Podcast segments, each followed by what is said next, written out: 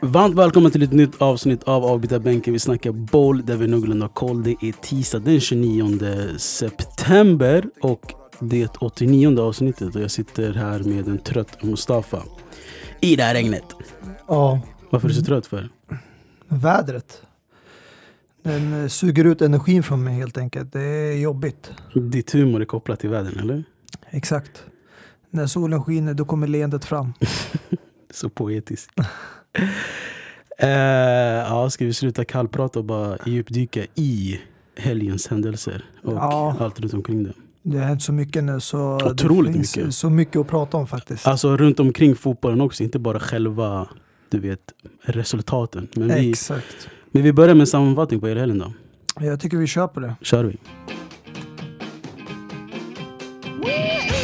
Vilken helg, vilka matcher, vilka händelser. Den största matchen denna omgång var Liverpool mot Arsenal. Laka Bloodclad Z gjorde 1-0 och man trodde faktiskt Arsenal skulle utmana i denna match. Men nope, Liverpool vann ganska komfortabelt ändå måste vi säga med 3-1. Liverpool har nu inte förlorat en hemmamatch i Premier League på tre år och fem månader. Du ska aldrig fira för tidigt mot Manchester United, även om slutsignalen ljuder. Det är sen gammalt. Det vet redan Alan Pardew, Angel Di Maria, Dele Ali och nu Neil Maupin.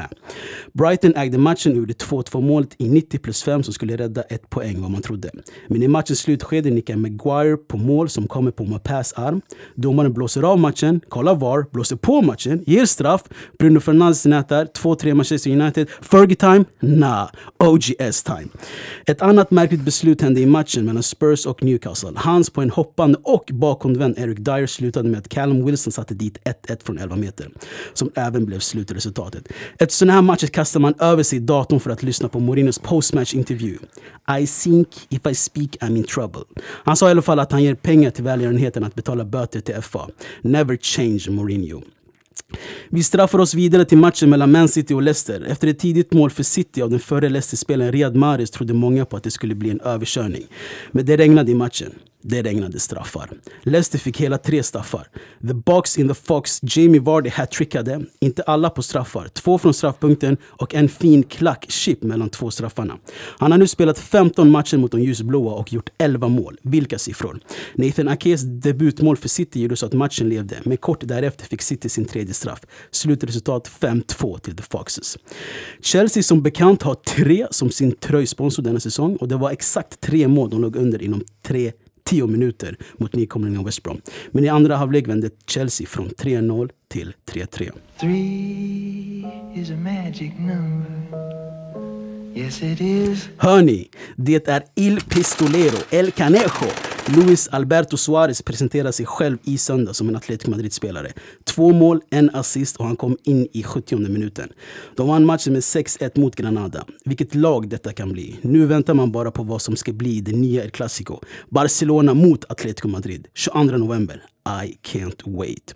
De flesta lagen i La Liga har redan spelat tre matcher, men i söndags var det Ronald Comans första match med Blaugrana. Blev en lyckad debut där de sänkte de gula ubåtarna via Real med 4-0. 17-åringen, jag säger det igen, 17-åringen Ansu Fati gjorde 1-0 och 2-0 på 19 minuter. Efter drygt en halvtimme fick Barca straff och man ville nu se Messi ge bort straffsparken. Man ville nu se Messi agera Dinho som han agerade för honom. Men nope, Messi tog hand om straffen själv. Detta säger bara att Messi har ett annat fokus denna säsong.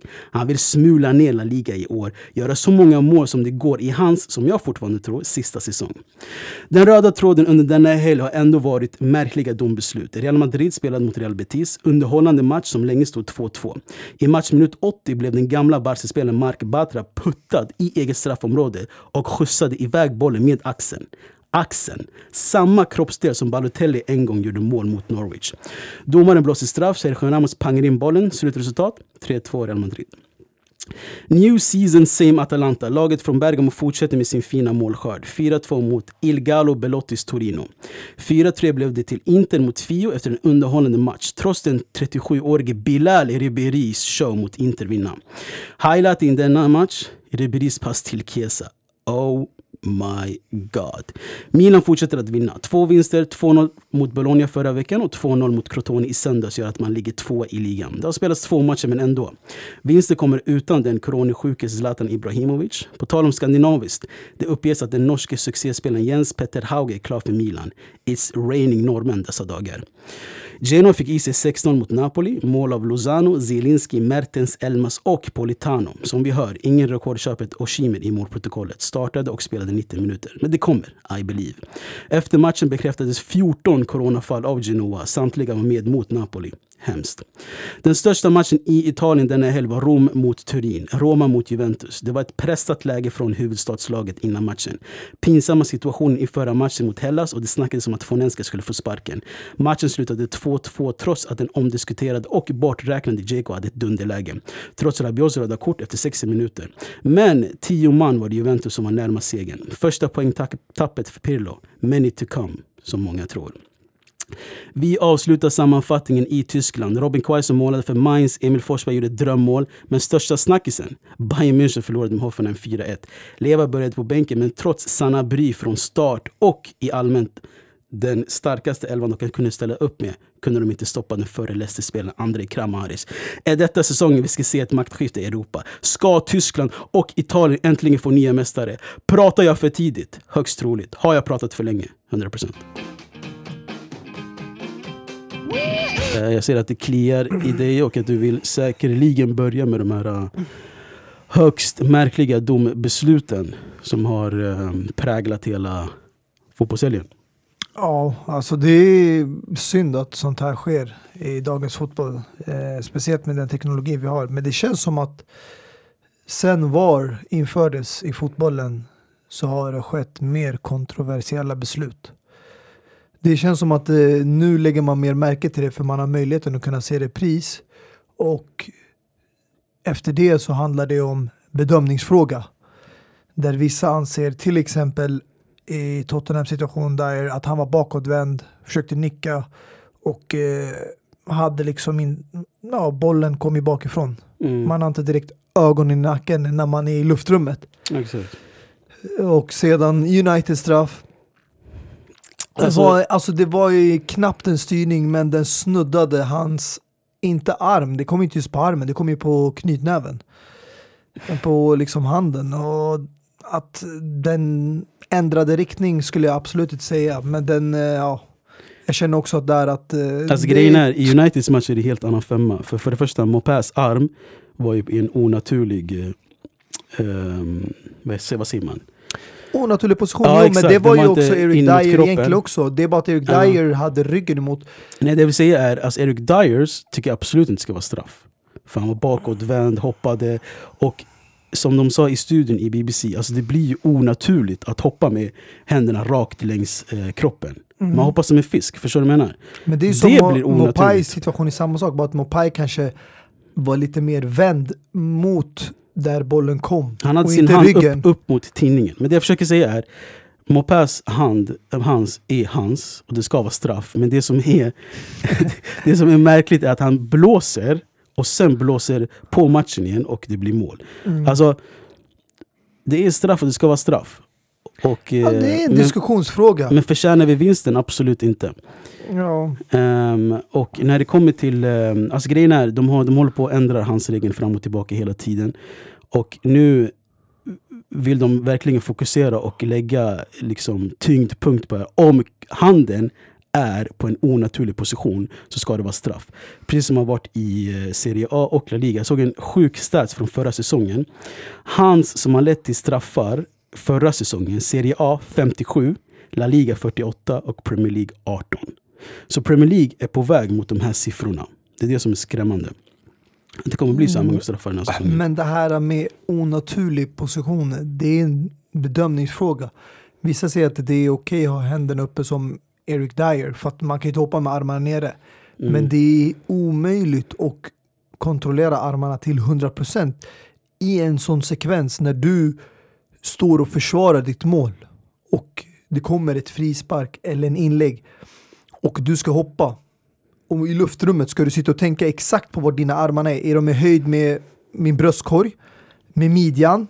med huvudet i tidningen, alltså du hinner inte tänka så där långt. Mm. Det är omöjligt att säga att det här är naturlig position och inte naturlig. Man hoppar, man reagerar, det är en reaktion snabbt. Och sen, för mig handlar det om hur, alltså när du hoppar, om du har liksom ögonen på bollbanan, du ser vart bollen kommer, då kan det bedömas som att det är en straff om man vet att man var lite medveten om att okay, man skulle kanske styra bollen eller blockera bollen i den positionen. Men alltså Mopai och eh, Maguire, grejen är där är att han stod så nära honom.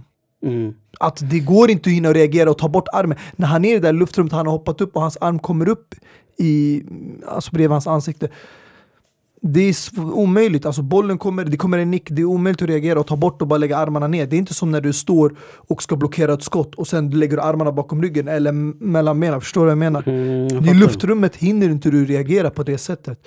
Och just sånt tycker jag därför man borde ge benefit of the doubt och låta det gå.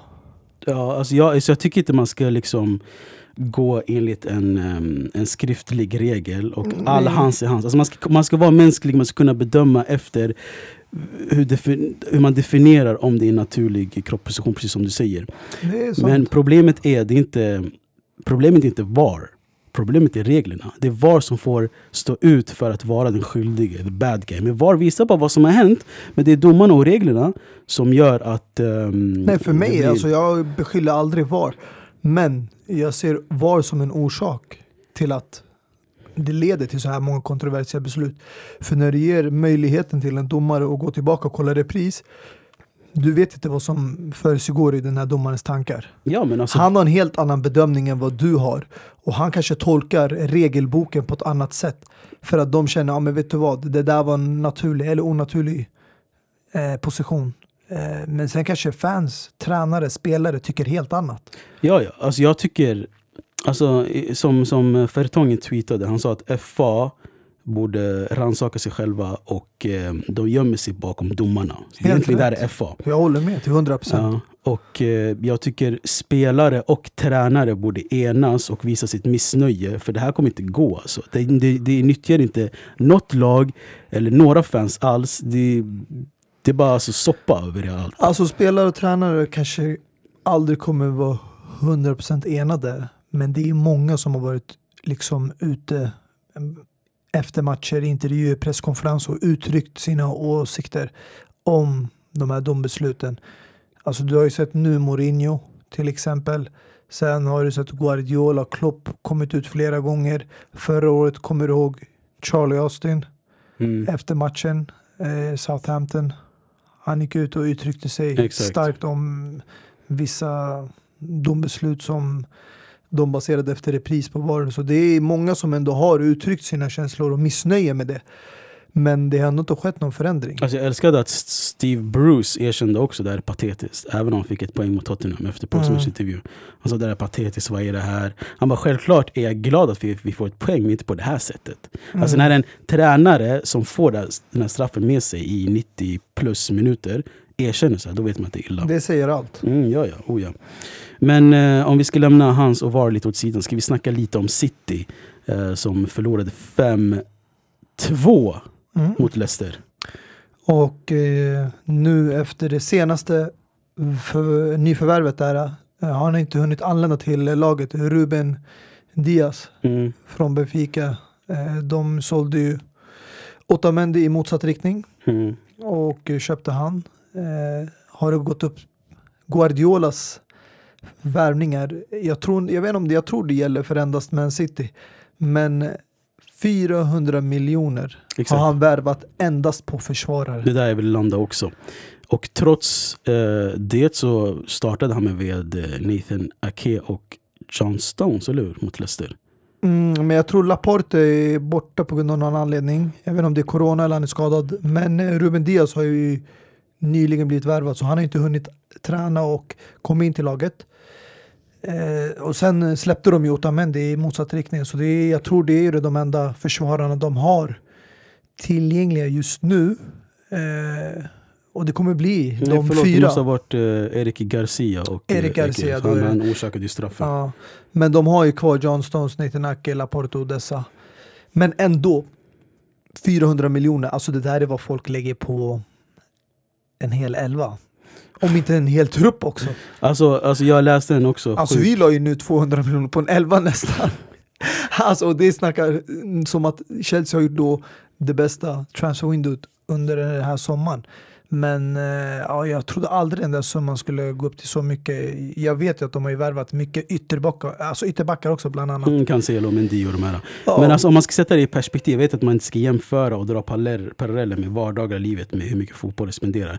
Men om du spenderar 25 000, 25 000 euro varje dag i 43 år kommer du aldrig spendera ens 400 miljoner.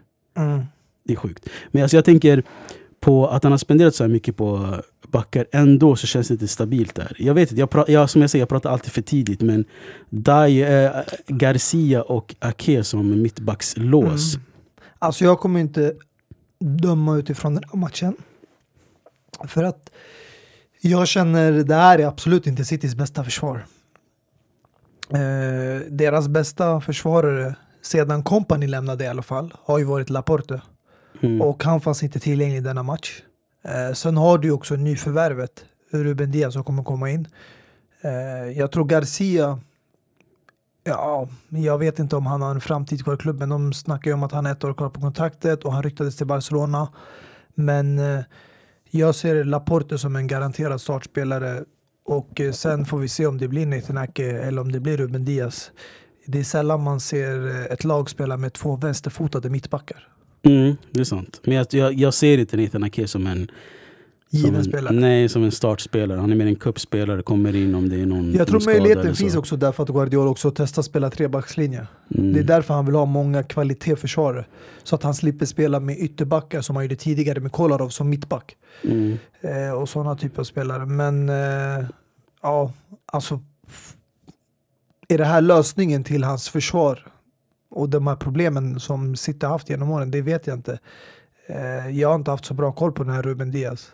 Eh, men jag vet ju att City kommer bli mycket bättre när de får tillbaka Laporte. Och eh, ja, Mm. det är en stor pusselbit som jag tycker saknas i försvaret. Ja, ska vi kort snacka om två saker innan vi lämnar England? bara? Jag tänker på Liverpool som vann mot Arsenal. Vi diskuterade nu innan vi spelade in om uh, Manés röda kort eller inte. Mm. Jag såg, alltså stillbilderna visar liksom att uff, det här är rött kort. Alltså handen i ansiktet direkt. Men gult kort, det var jättetidigt i matchen. Jag tror inte domaren ville förstöra matchen på det sättet Det, heller. det, Men jag, ja. tror inte, jag tycker inte det är rött kort alltså. alltså jag missar ju sekvensen. Exakt. Eh, så jag kom in lite senare därpå. Men jag såg ju repris och alltså när jag såg själva situationen tänkte jag rött kort. Men sen när du nämner att det liksom skedde så tidigt på matchen Mm. och det är inte så ofta man delar ut rött kort efter 5-10 minuter in på Mm. match om inte det är någonting riktigt grovt. Mm. så förstår jag kanske varför man delade ut uh, gulkort. Men jag känner ändå att ja, alltså det är en annan situation med ett annat lag. Det kunde ha varit ett annat uh, uh, dombeslut från domaren. Mm. Så det är, känns som att de här eh, storklubbarna fortfarande har ändå makten med sig trots uh, VAR. Eh, Jag vet inte, alltså, jag, vill mer fokusera på Liverpools bredd som jag alltså, hela tiden har ifrågasatt. Men den ser jävligt bra ut nu alltså. I bänken ser man en eh, Minamino man slänger in 90 plus 2 eller vad det var. Mm. Eh, du, kan, du kan ta in Thiago Alcantara som inte ens var med i bänken. Eh, och deras ungdomar ser jävligt bra ut också. Curtis Jones som gjorde en skitbra match i kuppen. Eh, Henderson spelade inte heller. Mm. Så jag tror bredden har de nu som är if- länge ifrågasatte. Jag tror då de har nu efter de här värvningarna, för Minamino kom i januari Mm. och Diego Jota kom nu under sommaren. Nu har de verkligen ökat på där. Mm. Och nu känner jag att de har en bra trupp. Alltså om du spolar tillbaka hade ett år då kändes det som att det inte var lika bra trupp utan de levde ju mest på den där startelvan. Eh, Exakt. Men nu har de alltså Shakiri, Minamino, Diego. I mittfältet har de som du nämnde Henderson. Han var inte med. Annars har de ju Naby Keita, Wijnaldum och sen Thiago Alcantara, nyförvärvet. Precis. Så det finns mycket alternativ. Eh, Jag tror det enda som saknas, som jag skulle känna att de behöver förstärka, det är kanske en högerback. Alltså en backup till Arnold ifall han skulle bli skadad. De har ju hämtat en vänsterback. Eh, Mm. Från, eh, Den här greken. ja, från. Olympiakos. Mm. Och eh, kanske en mittback också där. För eh, Joel Matip har ju varit väldigt skadebenägen och eh, Dejan Lovren lämnade ju. Mm. Så det är väl försvaret jag känner att de kanske behöver förstärka Mm. om de ska hålla kvar. Ja, jag känner samma. Eh, kort då. Eh, det var något märkligt som hände i Chelsea också. Utanför själva matchen i sig. Alonso Eh. versus Frank Lampard. Vad hände? Det var ju strax därefter halvlek eh, då det Chelsea låg under med 3-0 och eh, Lampard valde att göra ett byte i försvaret. Han Mm. kände att den förändringen behövdes. Och eh, Aspilicueta kom in istället för Marcos Alonso. Eh, när man kommer ut på planen igen och ska påbörja andra halvlek så ser man inte Alonso bland eh, spelarna som sitter på bänken i läktaren och så vidare. Eh, men Eh, då får man höra i efterhand att han tog en dusch när han blev utbytt. Eh, för det är ju glasklart då att du inte kommer spela med den matchen. Och eh, sedan hade han valt att gå istället till bussen. Alltså, lag, alltså bussen som de kommer med, de anländer med. Och kolla resterande av matchen. Andra halvlek där, ensam. Istället för att sitta med sina medspelare, lagkamrater i arenan på bänken och kolla. Och eh, Lampard får ju höra det under matchen och sen kommer han ut senare. Mm. Så han kommer ju ut under andra halvlek och kommer och fortsätter att kolla andra halvlek. Men efter matchen fick han en rejäl utskällning och eh, det går ju vissa rykten om att eh, vissa spelare säger att de har aldrig sett Lampard så arg, alltså så frustrerad. Eh, men det var ju också delvis på grund av resultatet, men eh, han tog verkligen illa upp av Marcos Alonsos handling och nu snackas det om att eh, alla vet ju att Emerson är på väg ut mot klubben och man behöver släppa vänsterback för man har hämtat in Ben Chilwell. Och eh, nu kanske det vänder på korten. Att det blir Emerson som får stanna och Alonso kanske lämnar. Ja, en hel del kan hända nu när det är drygt en vecka kvar till transferfönstret. Får se om Alonsos icke vara eller vara. Alltså, helgens snackis är ändå El Pistolero. Hur han presenterar sig i Atletico Madrid. Eh, kommer in i 70 assist på hans första bollkontakt. Och sen två mål. Um, vilket, vilken otrolig spelare Luis Suarez kommer bli för Atletico Madrid och Diego Simone. Ja, alltså absolut. Eh, Jag, alltså nu i efterhand kanske det är lätt att säga, men jag känner att Juventus förlorade på den där dealen. Att de valde att hämta Morata istället. Eh, Jag vet att Morata är yngre och så, men eh, vem tackar nej till Luis Suarez? Alltså vi alla har sett vad han har gjort genom åren i Barcelona och innan det i Liverpool. Mm. Eh, Så de förlorade en sjukt bra spelare där. Men eh, den största förlusten är för Barcelona som är giriga just nu. Och det känns som att de tar för hastiga beslut. Vad tänker Och- du? Nej, bland annat att de nu släppte Luis Suarez. Och eh, det kunde ha blivit likadant med Coutinho. Mm. Om inte nu de bytte tränare som känner att vet du vad, jag vill ha kvar Coutinho. Mm. Men Coutinho kunde också lika bra ha lämnat klubben Mm. Eh, om Bayern München hade en köpoption också efter lånet. Mm. Men eh, en stor förlust för Barca och en stor vinst för Atletico Madrid. Men jag är lite orolig för Real Madrids framtid måste jag säga. Vad Diego? Costa, Luis Suarez. Den ena biter, den andra slår. Precis som han sa i intervjun, Di- Diego Costa, när man frågade han. Ja, hur känns det att ha Luis Suarez? Ja, men det är skönt. Nu har vi en som bråkar och en som uh, beats. Ehm, Alltså det är giftigt par att möta sånt.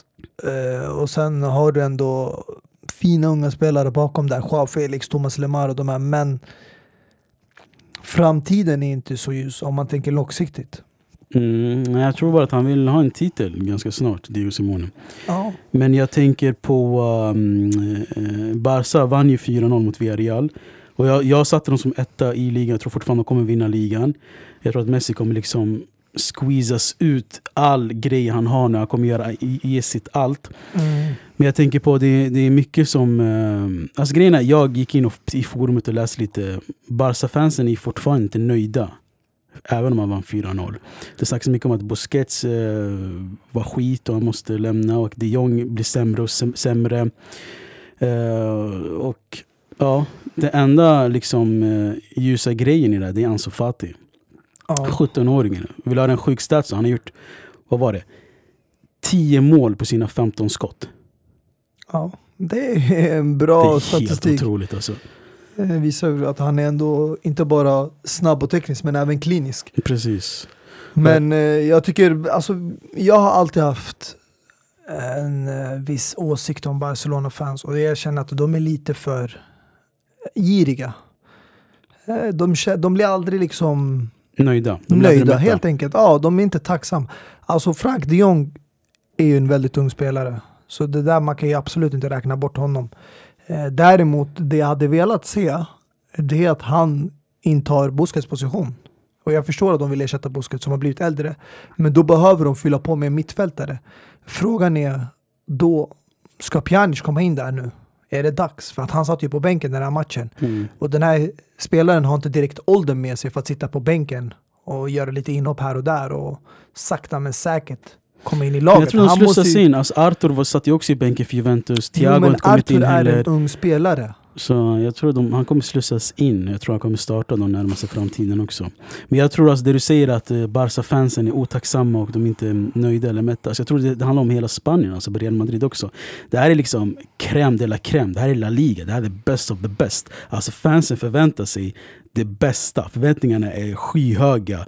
Eh, alltså resultatet ska bli skyhöga. Så, så, fort, alltså, så fort någonting litet går dåligt så kommer fansen skälla. Så det är, det är deras förväntningar de har helt enkelt. Och rätt eller fel, jag vet inte. Men det är, det, är inte, det är inte vad jag är van vid. Men jag förstår om de är uppväxta med det och vana vid. Och att det ska vara liksom... Jag tror alltså att man är van vid det, det kan vara en anledning, men du ska ändå uppskatta det du får av klubben, det man har kunnat leverera och göra genom åren. Alltså nu, eh, absolut, de har inte haft ett bra år och så, men om du spolar tillbaka liksom några år, då vann Barcelona ligan och de hade det bekvämt, de gjorde det bra. Till exempel med Valverde innan han fick sparken. De vann ju två raka ligatitlar. Okej, de misslyckades helt i Champions League. Men många av de här åren, det har ju ändå varit tuffa lag ute i Champions League. Vi måste vara ärliga. Mm. Zidans Real Madrid, Klopps Liverpool och nu det här Bayern München. Det här är lag som jag verkligen tycker från botten av mitt hjärta, de här förtjänade att vinna Champions League. Det här var lag som verkligen utmärkte sig i Champions League. Så jag känner inte att Barcelona har förtjänat eller varit tillräckligt bra för att kunna vinna Champions League. Men jag tror det största problemet ligger inte i mittfältet, Busquets, de Jong och de här, äh, eller Pjanic. Jag tycker det ligger i försvaret. Mm. Alltså Jordi Alba håller nu tillfälligt, men han har blivit väldigt ojämn de senaste åren. Blev Han börjar bli gammal. också. De försökte hämta in Firpo, men han Mm. har inte lyckats alltså, ersätta Jordi Alba och liksom bli given. Mm. Sen är försvaret ett annat problem också. Piqué är väldigt gammal. Umtiti är väldigt skadebenägen. Det här är spelare som behöver ersättas. Och bortsett från det har de bara Lenglet. Och de vill hämta in en Garcia som eh, fick åka på en karusell med Vardy. Så det är det, alltså vart är målen? Alltså det nu har de investerat i en högerback. Jag tycker det är bra för att eh, man sålde sig med och hämtade den här Dest. Förhoppningsvis kan han göra det mycket bättre. Men eh, de har för höga förväntningar. Alltså du kan inte förvänta dig att få en ny Dani Alves. Mm. Du kan inte förvänta dig att få en helt ny Xavi som ska leva upp till samma förväntningar och kvalitet som han hade i det där laget. Eller en Iniesta. Du kan inte ha de förväntningarna. Alltså du måste vara realistisk. Att det kommer komma in nya spelare, även om det är liknande speltyper. De kan vara sämre, de kan bli bättre, men du Mm. vet inte. Du måste vara ändå liksom öppen, för det här är förändringar när man gör en alltså transition där De- de, de- äldre spelarna lämnar och nu lämnar Messi. Då är det bara Piqué och Buske som är kvar av den där eran. Exakt. Och ehm, eh, vad tänkte jag på? Ja, jag tappade tråden helt. Skitsamma. Um, såg du eh, Fotbollssöndag, Simor? De har börjat med en sån här grej som heter Fotbollssöndag. Påminner mycket om eh, Fotbollskanalen Europa som man kollar på back in days. Måndagar 23.10. Eh, Kommer Nej, ihåg? jag har inte faktiskt kollat. Men du kommer ihåg Fotbollskanalen Europa i alla fall? Ja, ja, den är Exakt, kommer du ihåg den där bangern, helgens snyggaste helgens snyggaste. och helgens- låten i bakgrunden, Ja. som vi kanske hör nu i bakgrunden, vad vet jag?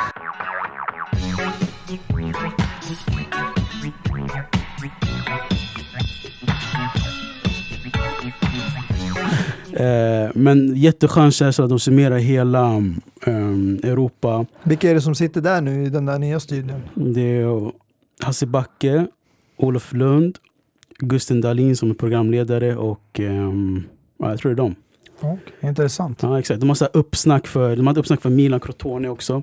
Mm. Eh, 18.00. Så det är, jag vet inte, det är en skön känsla. Men jag vet inte, det är fortfarande mycket fortfarande och, eh, och eh, ge. För det här är inte, man är, man är bortskämd av Vesat-studion, du vet. De här analyserna och allting och så. Men jag kan inte tänka mig att det, här gänget ska leda Champions League. Mm. Men vi får se. Men eh, på tal om det, Italien då. Eh, Juventus, Roma, Pirlo tappade poäng. Eh, jag tycker mittfältet är väldigt, liksom Juventus mittfält är väldigt eh, ifrågasatt. Eh, Rabiot fick rött kort och även det ser, det ser jättemagert ut. Alltså, ja, det, är, det är svårt att bedöma så här tidigt in på säsongen. Men du, man måste se det från ett perspektiv att eh, de har fått in en hel del nya spelare. Arthur McKinsey i mittfältet. Eh, tappat spelare som eh, Matuidi, Pjanic, Kedira. Väldigt erfarna, rutinerade spelare. Och eh, sen har de en ny tränare i Pillo som har ju noll erfarenhet av elitfotboll. Eh, Att träna elitfotboll, ja. Ja, men alltså han har aldrig tränat A-lag tidigare. Han tränade eh, U23 knappt en kort period innan han blev promoted. Så det här är ju för mig, alltså jag tycker det är ett bra resultat med tanke på det röda kortet. Att du Mm. spelar med en mindre man på bortaplan och lyckas ändå ta ett oavgjort. Och som du nämnde tidigare, det var Juventus ändå var som var närmast ledningsmålet Mm. så ser jag ändå någonting positivt ur det hela, att de gjorde en bra match. Sen eh, hur han kommer redigera och hitta sitt mittfält, eh, vilka som ska starta och spela eh, och eh, vilka som kommer bli givna. Det kommer ta sin tid. Han måste ju få tid att experimentera och spela för att inget lag i Europa, inklusive Juventus, har haft försäsong. Mm. Exakt. Så det här är hans, alltså för mig, jag har ju sagt det, även från alla andra slags perspektiv, jag ser fortfarande de här första matcherna som en försäsong. Mm, ja, ja, oh, ja. Alla lag hinner inte komma igång på en gång. Jag tycker också att det är på ett sätt bra du vet att fönstret fortfarande är öppet när man ändå hunnit spela fyra, fem matcher. Det måste det ju vara på grund av corona. För Exakt, men det- ingen det- har hunnit göra liksom, affärer Ja men det är nice, alltså, på det sättet kan du se, okej mitt lag kräver det här, kräver Mm, det här, exakt. vänta, jag fick en långtidsskada på honom, hämta in honom. Det blir som en liten januari, Ja. januarifönster i eh, Det är sant där. Så faktiskt. det, är- mm, jag tycker det på något sätt det, det visar ett annat perspektiv på hur laget kan värva. De är inte, de är inte lika stressade heller. Alltså jag skulle säga så här. I förhand var jag först mer orolig för Juventus. Just för Mm. att de har en ny tränare utan erfarenhet och de har tappat lite spelpjäser här och gjort lite förändringar i anfall och mittfält. Mm. Men nu, alltså efter första omgången, eller Juventus har ju spelat två omgångar, jag är mer orolig för eh, rivalerna Inter. Mm. Eh, de, tors, eller de vann, förlåt, 4-3, men ändå debutmatch där man släpper in tre mål och eh, det är ju två misstag som Mm. leder till mål. Eh, det är inte det man förväntar sig av ett kontolag. Man brukar inte släppa in mål på det där sättet. Det som chockerar mig i alla fall det är att han ställde upp med det där försvaret när han har en tillgänglig Skriniar på bänken. Eh, och de har ju redan valt att släppa taget om Diego Odin som kom nyligen. Han var färvades in förra året Mm. och man släpper den här erfarna backen. Eh, då känner jag att om du har släppt den här försvararen och nu sätter Skriniar på bänken, hur ser din framtid ut i försvaret? Vem har du att välja mellan? För det är ju bara Stefan de Vrij som du har att välja mellan. Vi såg att han spelade med, vad var det, Dambrosio och Kolarov. Precis, och Bastoni. Och wingbacks hade han eh, Young och Ivan Perisic. Är det här ett lag du verkligen vill satsa på och vinna ligan med? Alltså jag tror de har för mycket mittfältare nu och många kommer lämna innan, eh, innan 5 oktober tror jag. Men... ehm, Men vi såg ju ändå många mittfältare komma in den här matchen. Det är det som är det sjuka. Man tänker att det är många spelare som kanske lämnar, man kommer trimma på truppen. Men eh, alltså det största problemet är inte egentligen mittfältet, även om de släpper nu någon av de här eh, mer erfarna rutinerade spelare som kom in den här matchen och gjorde ändå ett bra ja, avtryck. Men försvaret, vad hände där? Exakt. Alltså du kan ju inte släppa två mittbackar när det är en vecka kvar av eh, transfer window som kommer stänga nästa vecka. Nej, alltså om de lyckas behålla Skriniar så tror jag inte de har så stort problem. Om- Diego och- Godin och- måste ju ersättas. Och om de lyckas alltså, um, motivera Skriniar också tror jag inte det är stort problem. För wingbacks har de fullt av. Eh, ja, wingbacks är det gott om. Det är, ja, Sen är det ju de blivit av med eh, Kandreva också gamla, nu till ja. Sampdoria. De fick tillbaka Dalbert, Ashraf Hakimi har de. Ja, det är blandade ålder där, mycket äldre och unga Mm. spelare. Men alltså försvaret, som sagt, jag förstår inte hur Conte och ledningen tänker. Eh, är det han eller styrelsen som vill bli av med Skriniar? För att om du inte har en tillgänglig Stefan de Vrij som är avstängd och du har precis släppt Diego Godin, varför sätter du Skriniar på bänken om du nu ser en framtid? Ja. De har ju en viss Ranocchi också som satt i bänken. Ja, och det där är en, eh, ja, en spelare som eh, Hull City-legenden. Ja, han har varit på en berg i sin karriär men eh, jag förväntar mig inte att han är kvar i klubben. Alltså om det är någon jag skulle släppa i det här läget, det är ju Ranocchia. Och sen hämta in någon eh, för att förstärka laget. Alltså de skulle ha värvat eh, Hellas Verona, mittbacken som Roma värvade, Kombola, tror jag han heter, Albanien. Det skulle vara perfekt för Inter. Det är mycket möjligt. Men eh, nu är det ju för sent. Så nu är det bara att ta tag i saken och påskynda för att det är en vecka kvar. Och som jag sagt, om Conte ska vinna ligan då måste han stärka upp försvaret enligt mig. Exakt. Eh, kort bara, eh, vi hade ju 14 coronafall i Genoa som mötte Napoli.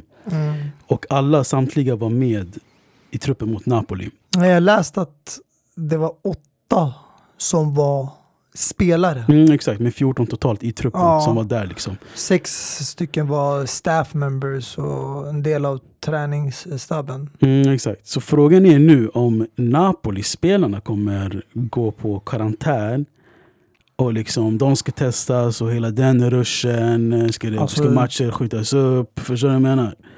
Jag tror definitivt de som startade och var i kontakt med alla spelare måste testas. Sen eh, vet jag att de kanske har ett visst sätt nu under matcher att de hälsar på ett visst sätt som tränarna och att spelarna håller samma standard mellan varandra. Men eh, man vet ju aldrig vet, under en fotbollsmatch när det kommer så mycket närkontakt med spelare eh, i dueller och sånt. Eh, det är mycket möjligt att eh, det kan ha spridit sig. Så absolut, de måste testa sig. Och eh, visar det sig att några få spelare har blivit infekterade får de helt enkelt sätta dem i karantän. Alltså det är inte det första laget som kommer göra det. Det är flera spelare som har satt, eller flera lag som har satt spelare i karantän och helt enkelt ja, sp- spela utan dem. Eh, Så länge det inte är en eh, elva vi pratar om och du har tillräckligt många spelare att spela med och ha på bänken så kör på. Vi Ja. behöver inte flytta fram några matcher alls. Nej men jag tänker på Inter har ett ganska alltså, jobbigt spelschema. Efter Benevento så möter de Lazio, sen är det Milano-derbyt. Eh, Så ifall de här spelarna drabbas av någonting, om de får inte spela, negativ corona, då det, det är lite knas alltså.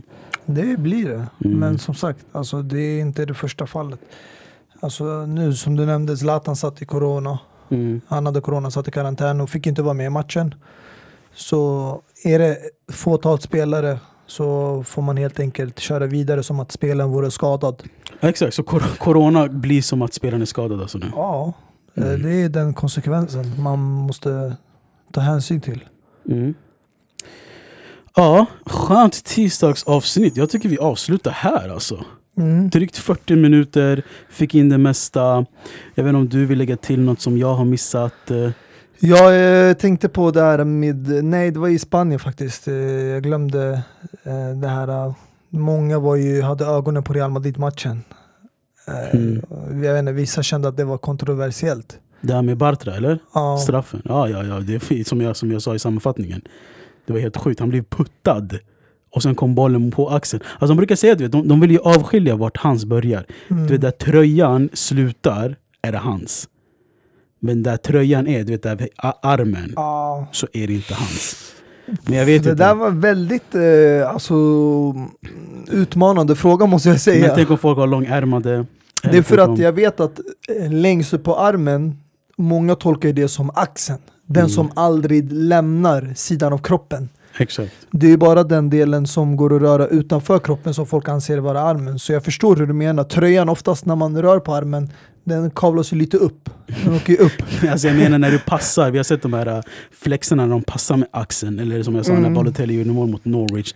Du men det ju brukar oftast axeln. vara framsidan, inte från eh, Mm. alltså sidan. Men jag förstår vad du menar. Men det, det, hade man gjort en sån regel jag tycker just nu det räcker med de reglerna som finns. Det blir för mycket Mm. tolkningar och bedömningsfrågor. Så det är... Sen hur ska du kunna skilja på de som spelar med långärmad? Ska du Mm. kolla repris och zooma in? Bara träffade den under armen, den här tröjan han har underställ? Eller träffade den tröjan han har ovanför understället? Mm. Nej, alltså jag tror det kommer ske någon, någon typ av strejk. Alla, speciellt i Premier League, folk kommer gå ihop. För jag, jag läste massa tweet igår, Andrew Townsend till exempel, han bara ge oss tillbaka vår sport, vad är det här? Mm. Eh, så jag tror mycket kommer ske, folk kommer visa sitt missnöje och eh, jag tror inte det är sista gången vi får höra om det här i alla fall. Ja. Men det är sista gången ni får höra oss av oss idag, tisdag den 29 september, avsnitt 89. Och vi hörs någon gång nästa vecka. Det gör vi. Peace!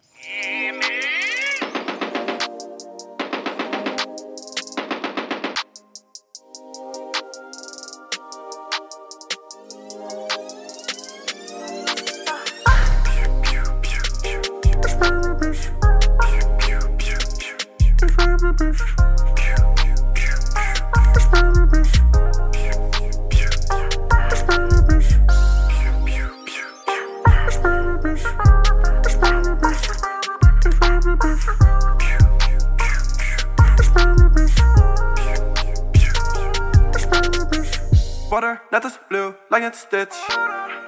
Ben geen snitch, ben er voor mijn crew. Bitches vinden mij nu zo cool. Maar ik weet niet, nee, ik ben een fool. Luister naar mijn demo in mijn stoel. Bitches willen nu ook naar mij toe. Maar ik skip ze in mijn DM. Geen yo, Cody, geen DM. Ben niet stoer, net als een gangster. GTA kill ik op, ik ben een gangster. Ja, ik ben altijd met mijn crew. Heb al die haters geld, dat zijn er maar een few. Ik spray die bitch met water op die chop en screw. Jaloeze boyfriend, want hij is een saaie boel. Springend op je mami, wat een vuile boel. Laat mijn mama weer bacon met mijn waterpistool.